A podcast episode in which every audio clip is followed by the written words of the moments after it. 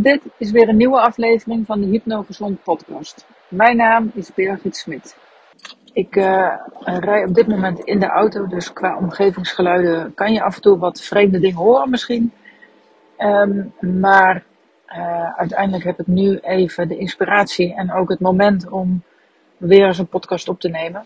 Uh, en dan wil ik me niet laten belemmeren door dat het even niet uitkomt, omdat uh, ik nu op een misschien verkeerde plek zit om dat te doen. En niet de, uh, ja, de microfoon bij de hand heb. Uh, en de ruimte. Uh, wat ik wel nu eigenlijk eens met je wil delen is uh, wat ik natuurlijk continu zie, ook bij mijn cliënten, maar ook wat je ziet in de wereld gebeuren. is dat we uh, steeds banger lijken te zijn om maar af te wijken van wat de norm zou moeten zijn. Dus wat een ander vindt, vind jij ook. Want daarmee heb je de meeste kans dat je begrepen wordt, dat je erbij hoort, dat je gezien wordt. Uh, en het is uh, altijd een beetje gevaarlijk en angstig om een tegengestelde mening te hebben. En even afgezien welke mening waar over wat voor onderwerp, het maakt eigenlijk allemaal niet uit, want dit is iets wat overal zit, op, op kleine uh, micro dingetjes als ook op, uh, op macro niveau. En uh, ik zie het ehm, behoorlijk beperkend werken bij veel mensen, omdat ze daardoor eigenlijk steeds verder weg zeilen van wie ze werkelijk zijn. En even afgezien dat dat natuurlijk ook nog een hele filosofische vraag is van wie ben je dan eigenlijk? wat blijft er over als je alle verhalen die jij bent gaan geloven, en wat jouw waarheid is geworden. Als je die niet meer zou geloven, wat zou er dan nog overblijven? Geen idee. Um, maar in ieder geval uh, wel waarschijnlijk iemand anders dan dat je nu uh, doet lijken voor de buitenwereld. En op zich zou je kunnen zeggen, ja, wat is er erg aan om, um, om, om hetzelfde te denken? Uh, nou, dat is op zich helemaal niet erg, als dat ook is hoe je werkelijk denkt. En dan kun je ook nog zeggen, ja, maar ik denk ook echt zo. En dan wordt het al iets meer een tricky verhaal, want is dat zo? Of vertelt jouw brein dat om iets goed te praten, uh, zodat je in ieder geval mee kunt gaan in de massa en vanuit die massa weer veilig bent? Dus dan zou je kunnen zeggen dat de veiligheid, of in ieder geval het idee uh, van, van veiligheid, um, ervoor zorgt dat je uh, je aanpast en dat aanpassen dan weer op uh, denkniveau, zeg maar, weet goed te praten. In de zin van, uh, ja, maar ik denk ook echt zo. Ja, je denkt het ook echt zo.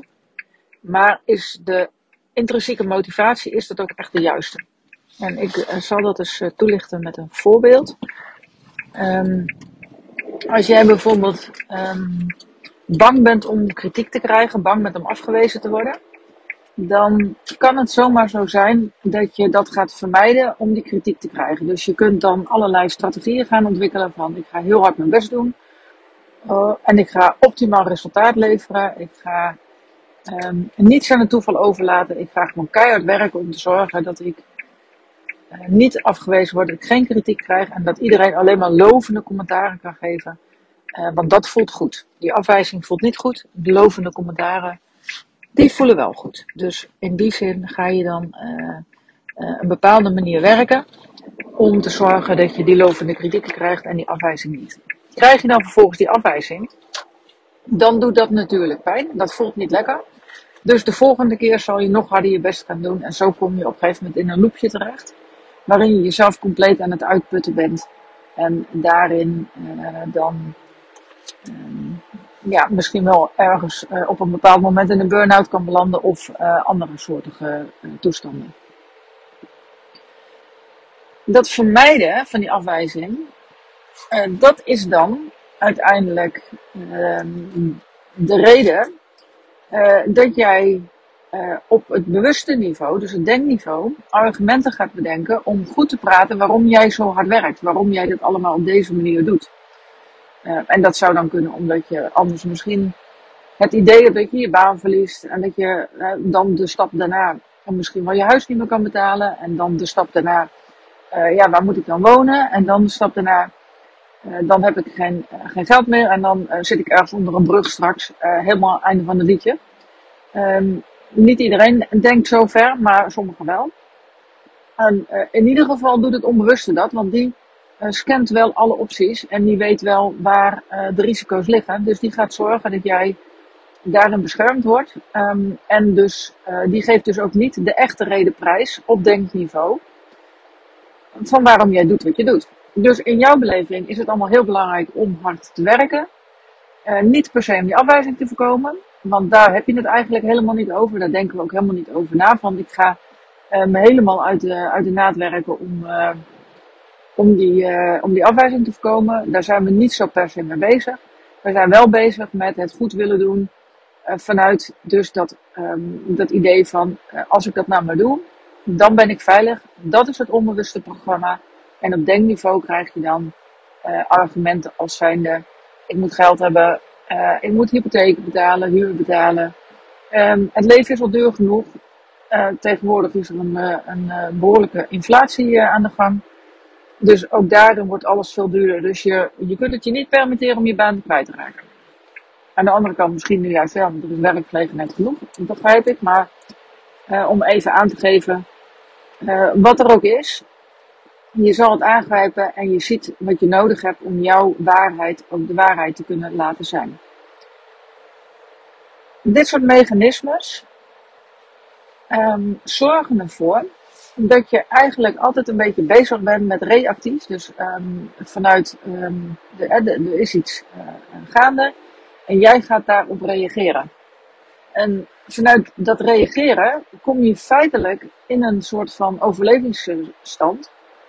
Want je moet zorgen dat je geld hebt om je huis uh, te betalen, je boodschappen te kunnen betalen. Uh, en dus moet je werken. En om te werken heb je een baan nodig en uh, die, die moet je dan ook zien te houden. En dat zijn de hele uh, oppervlakkige argumentaties, die natuurlijk hartstikke waar zijn, want dat heb je ook nodig. Dus er kan niemand uh, een spel tussen krijgen dat dat onzin zou zijn. Alleen de vraag is, moet je per se zoveel of zo hard werken dat je uiteindelijk in een burn-out belandt? Of kun je ook gewoon werken en heb je even goed in die baan, Um, en heb je daarna ook een betere balans in de uh, ontspanning en in de stress. Want uiteindelijk, als jij naar je werk gaat met een onbewust idee, ik moet dit houden en er mag niets gebeuren, ik mag het niet kwijtraken, uh, ik moet het dus allemaal goed doen, dan levert dat bijvoorbeeld al stress. En dat is vaak stress die je niet eens in de gaten hebt. Dat is een sluimerend proces waarin je pas op het moment dat, je, dat het allemaal te veel wordt en je merkt van nu krijg ik misschien wel uh, onverklaarbare fysieke klachten, spanningsklachten, hoofdpijn, slecht slapen, uh, allerlei uh, van dat soort signalen. Dan, ben je, dan weet je dus eigenlijk dat je met iets bezig bent wat dieper is, zit, dan, um, dan dat je aan de oppervlakte hard werkt. Want hard werken is op zich geen probleem. En dat is ook wel volgens mij eh, ergens een spreekwoord van hard werken ga je niet dood. En dat is ook wel zo. Tenminste, dat is wat ik dan geloof. Uh, omdat je heel veel aan kunt, mits je het maar vanuit ontspanning doet. Mits je het gewoon um, laat zijn zoals het is. En niet bezig bent en geen stressoren in jezelf hebt opgeslagen. Waarin je vanuit angst, waarin je vanuit onveiligheid jezelf stuurt richting uh, jezelf helemaal over de top werken. En ik heb het nu over werken, maar dit, dit speelt natuurlijk ook in vriendschappen, in uh, je sociale uh, situaties, in de manier hoe je met je ouders omgaat of met, uh, ja, je kunt eigenlijk van alles bedenken met je partner. Um, daarin kan van alles zo zijn dat je stress voelt. Met een partner bijvoorbeeld, je kan bang zijn om verlaten te worden. Um, dat heb je misschien helemaal niet zo in de gaten. Maar je merkt het pas op het moment dat er een soort van dreiging is. Dat, um, dat er misschien wat kleerscheurtjes in de, in de, in de relatie uh, ontstaan. Dan pas ga je vaak voelen dat je bang bent om alleen te komen te staan. Want als je alleen komt te staan, ja, hoe ga je dat dan doen? En ook daar zit weer het verhaal in van, ja, je bent volwassen. Dus ik ga er even vanuit als je dit luistert dat je dat bent. Uh, en dat je van daaruit um, kun je natuurlijk prima jezelf uh, redden. Alleen ergens in jou, als daar een overtuiging zit dat je het niet kan, En dan is het een ik kan het niet overtuiging. Die eigenlijk voor kinderen, kleine kinderen, heel erg waar is. Want die kunnen heel veel dingen nog niet. Die moeten nog heel veel dingen leren. Maar als je zo'n overtuiging hebt meegenomen naar je volwassen leven. En dat stuurt jou nog steeds. Dan is het natuurlijk heel uh, bedreigend op het moment dat je verlaten zou worden. Of dat je zelf weg zou willen uit een relatie die niet goed voor je is. En dan neem je bepaalde stappen niet. Blijf je hangen uh, in iets wat eigenlijk niet goed voor je is. En van daaruit ga je dan um, ja, eigenlijk jezelf vastzetten in een bepaalde stress. En ga je proberen er maar het beste van te maken. Dat is iets wat ik ook bij heel veel mensen hoor. We maken er maar het beste van. En dat is eigenlijk gewoon ontzettend jammer. Want als je al die angsten, die stressoren die daarin zitten, gebaseerd op verhalen die je ooit zelf hebt gemaakt over jezelf en waarvan je je dus niet bewust bent, um, dan, ja, dan, dan belemmer je jezelf dus in je uh, ontwikkelen van je, van je eigen talenten en je eigen ambities en het leven zoals jij dat eigenlijk zou willen. En dat stukje vermijden, dat levert dan opnieuw ook weer stress. Want op het moment dat jij niet uit het leven haalt wat jij er eigenlijk uit zou willen halen, dan, uh, dan voelt dat ook niet lekker. Dat geeft een conflict met dat deel uh, wat het wel wil. Dus dat stukje vermijdingsgedrag vanuit het deel dat je in veiligheid wil houden, conflicteert met het deel dat zich wil laten zien, dat um, zich wil uiten. En dat geeft dan op zich ook alweer een naar gevoel. Dus op die manier blijf je eigenlijk een beetje hangen in, um, ja, in een situatie die niet helemaal geweldig voelt, maar waarin je dan het idee hebt van, nou ja, we maken er maar het beste van. Even terug naar het onderwerp waarmee ik begon, het begrepen worden. Um, hoe heeft dit een relatie met wat ik zojuist uh, vertel over het vermijdingsgedrag en die angsten? Uh, op het moment dat jij bang bent om verlaten te worden, op het moment dat je bang bent om afwijzing te krijgen, dan hoor je er niet meer bij. En op het moment dat je er niet meer bij hoort, dan voelt dat op zich alweer onveilig. Want wie gaat jou dan redden op het moment dat jij zegt, ik kan het niet? Als dat een overtuiging is, hè, die op onbewust niveau speelt. Um, hoe ga jij jezelf dan in veiligheid brengen als er dingen gebeuren waarvan jij het gevoel hebt, die kan ik niet aan? Een klein kind die uh, van een jaar of drie, vier die in de stad loopt en die zijn ouders kwijtraakt, die raakt helemaal in paniek. Want die, um, die weet in ieder geval niet meer hoe hij zichzelf nu moet redden. Dus die moet papa en mama hebben om te zorgen dat hij veilig is. Dat hij weer gerustgesteld uh, is dat, het, uh, dat hij gered is feitelijk. Als je volwassen bent, dan kun je prima alleen in die stad lopen en dan is er eigenlijk helemaal niets aan de hand. Uh, als je even de weg verliest uh, of kwijtraakt, dan vind je hem wel weer terug. Tegenwoordig hebben we ook allemaal van die mooie mobiele telefoons waar we alleen maar op een knopje hoeven te drukken en, en we worden weer teruggeleid naar daar waar we moeten zijn. Dus we weten dat wel, maar we gedragen ons vaak anders. want die verlating, dat voelt gewoon hetzelfde als dat je als driejarig kind verloren raakt in de stad en je ouders kwijt bent. En dat is het gevoel wat je stuurt. En vanuit die sturing uh, ga je vervolgens in je volwassen leven dus proberen de omgeving zo veilig mogelijk te maken. Terwijl er dus eigenlijk niets meer aan de hand is. dat betekent wel dat je daar een hoge prijs voor betaalt. Want dat aanpassen, om dus die veiligheid voor jezelf maar neer te zetten, betekent wel dat je een stukje van je eigenheid inlevert. En dat je minder in staat bent om die dingen te doen waar je echt blij van wordt. Daar hou je ook weinig tijd voor over, want heel veel energie gaat op aan het zorgen dat je niet afgewezen wordt, dat je begrepen wordt, dat je erbij hoort, dat je je aanpast, dat je aan de verwachtingen voldoet. Dat kost ongelooflijk veel energie, want dat is niet wie jij werkelijk bent. Dus het stroomt feitelijk niet. En die energie, die gaat op. Maar dat betekent ook dat je veel minder kunt doen op een dag. Dan dat je zou doen wanneer je wel vanuit jezelf reageert. En je dus geen inspanning uh, op onbewust niveau hoeft te leveren om die veiligheid te garanderen. En dat is eigenlijk de omkering um, die als je die maakt in je leven, als je die transformatie maakt, dat je vanuit jezelf durft te leven. Dat je vanuit jezelf durft te zijn wie je bent. Wie je op dat moment ook bent. Want om even naar mezelf te kijken. Ehm, bij mij verandert het ook continu. Degene die ik een jaar terug was, ehm, die ben ik nu ook al niet meer. Dus daar zit altijd een bepaalde ontwikkeling in. Um, tenminste, voor zover ik dat kan zien. En dat is, dat is oké, want je gaat ook steeds meer zien en steeds meer ontdekken en steeds meer bijleren. Uh, alleen al door het leven zelf. Dus ik bedoel daar niet per se eh, studies of, of iets dergelijks. Maar die ontwikkeling is, uh, die, komt die ontstaat helemaal vanuit jezelf. En dat is natuurlijk een, iets wat veel waardevoller is voor, voor het leven dan ben je echt proactief aan het leven. Dan ben je echt aan het kijken, wat is goed voor mij, wat wil ik? En van daaruit ga je die ontwikkeling verder maken. In plaats dat je al je energie en je aandacht besteedt aan hoe wil een ander dat ik uh, ben. En dat proberen te gaan creëren. Nou, je voelt hem al aan in hoe ik het zeg. Uh, dat, dat eerste, dat proactieve leven waarin je gaat kijken wat is goed voor mij.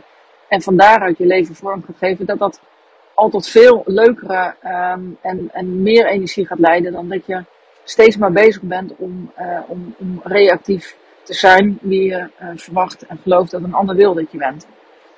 Want dat is namelijk niet wie jij bent en dat is ook niet wat jij wil. Maar je doet het omdat je bang bent. En bang wordt daarmee vaak verward. Angst voor spinnen, angst voor hoogtes, uh, dat soort dingen. Dat zijn hele concrete angsten. Maar de angsten waar ik het over heb, zijn angsten die zitten diep in jou verborgen. Je hebt er, um, eigenlijk ben je daar helemaal niet zo mee bezig. Uh, maar het is wel een continu sluimerende angst, waarin je je lichaam continu in een bepaalde mate van stress en spanning zet. Wat natuurlijk ook weer allerlei gevolgen heeft voor jouw hele lichaam, systemen. Uh, en dan denk ik aan uh, spijsvertering, vetverbranding, hè, hoe jouw afvalstoffen weer uit je lichaam gewerkt worden, de werk van je nieren, longen, lever, dat soort zaken.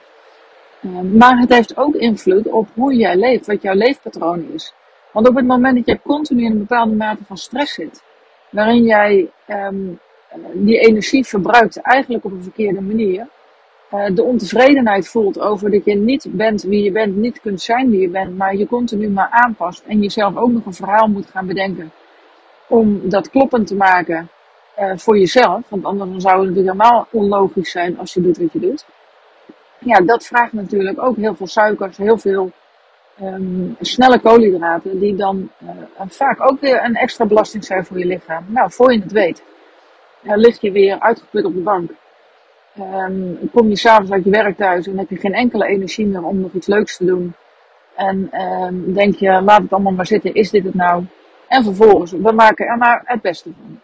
En nou ja, je ziet wel uh, en hoort wel um, wat dat dan voor gevolgen heeft. En daarom kan zomaar overgewicht in de hand uh, werken. Of in ieder geval ontevredenheid over uh, jezelf. Nou, en zo ben je jezelf weer aan het bevestigen. Want hoe meer ontevreden je bent over jezelf, hoe meer um, je ook jezelf moet gaan beschermen tegen het verlaten worden. Want als jij uh, gelooft dat je niet leuk bent, niet mooi bent, of weet ik veel uh, wat je allemaal kan bedenken. En dan moet je nog harder je best doen om erbij te horen. Um, vanuit dat concept van uh, veiligheid. Erbij horen is veilig. dan word ik wel gered op het moment dat er iets spannends gaat gebeuren.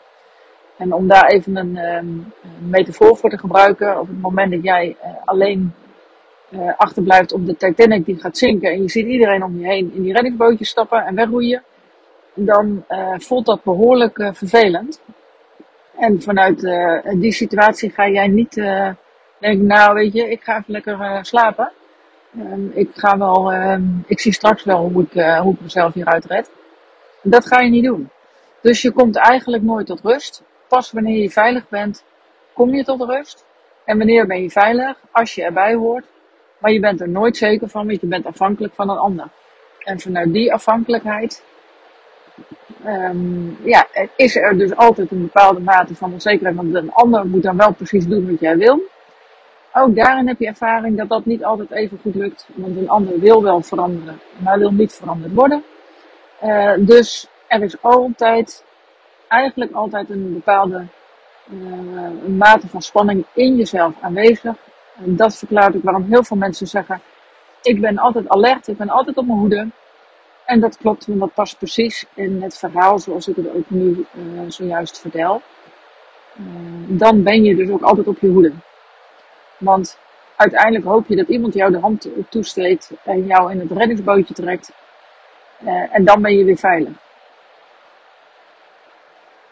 Dit was eigenlijk het verhaal wat ik uh, voor vandaag wilde vertellen. Um, ik ga dit uh, binnenkort weer post posten op um, de podcast op mijn website uiteraard. Uh, www, of is het nog www? Nee, ja, hypnogezond.nl. doet het allebei volgens mij. daar kun je hem vinden en natuurlijk ook op de andere kanalen Spotify, iTunes um, en daar staat hij nog meer op, Soundcloud geloof ik. dus daar kun je het allemaal vinden. En wil je meer weten, omdat je dit toch wel heel erg interessant vindt, dan uh, kan je je ook uh, verder verdiepen uh, via het online programma in acht stappen naar een stressvrij lijf en leven. En om je een tip te geven, doe daar dan ook meteen de um, audiosessie ontstress en ontspan bij. Want als je dat in combinatie gaat gebruiken, dan is dat gewoon een hele waardevolle combinatie, omdat je daarmee alles wat je op bewust niveau gaat um, bedenken en uh, gaat zien en alle inzichten die uh, je daarmee gaat krijgen, die worden meteen op onbewust niveau ook daarin betrokken. En dan krijg je een mooie combinatie waardoor je ook e-, daadwerkelijk mooie veranderingen maakt. Um, ik geloof dat ik nu nog um, aanbied dat je hem ook los kunt bestellen. Dus zowel het online programma en dan de audiosessie los.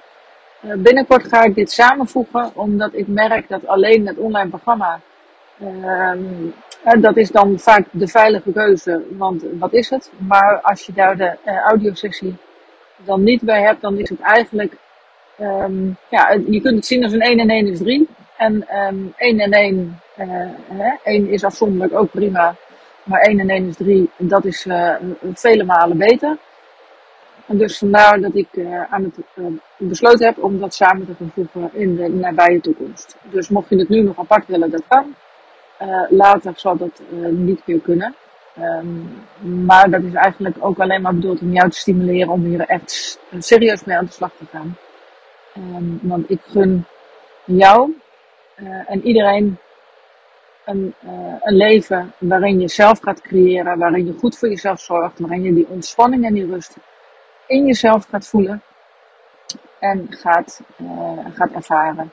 En dan zal je merken dat het leven als vanzelf heel anders gaat worden.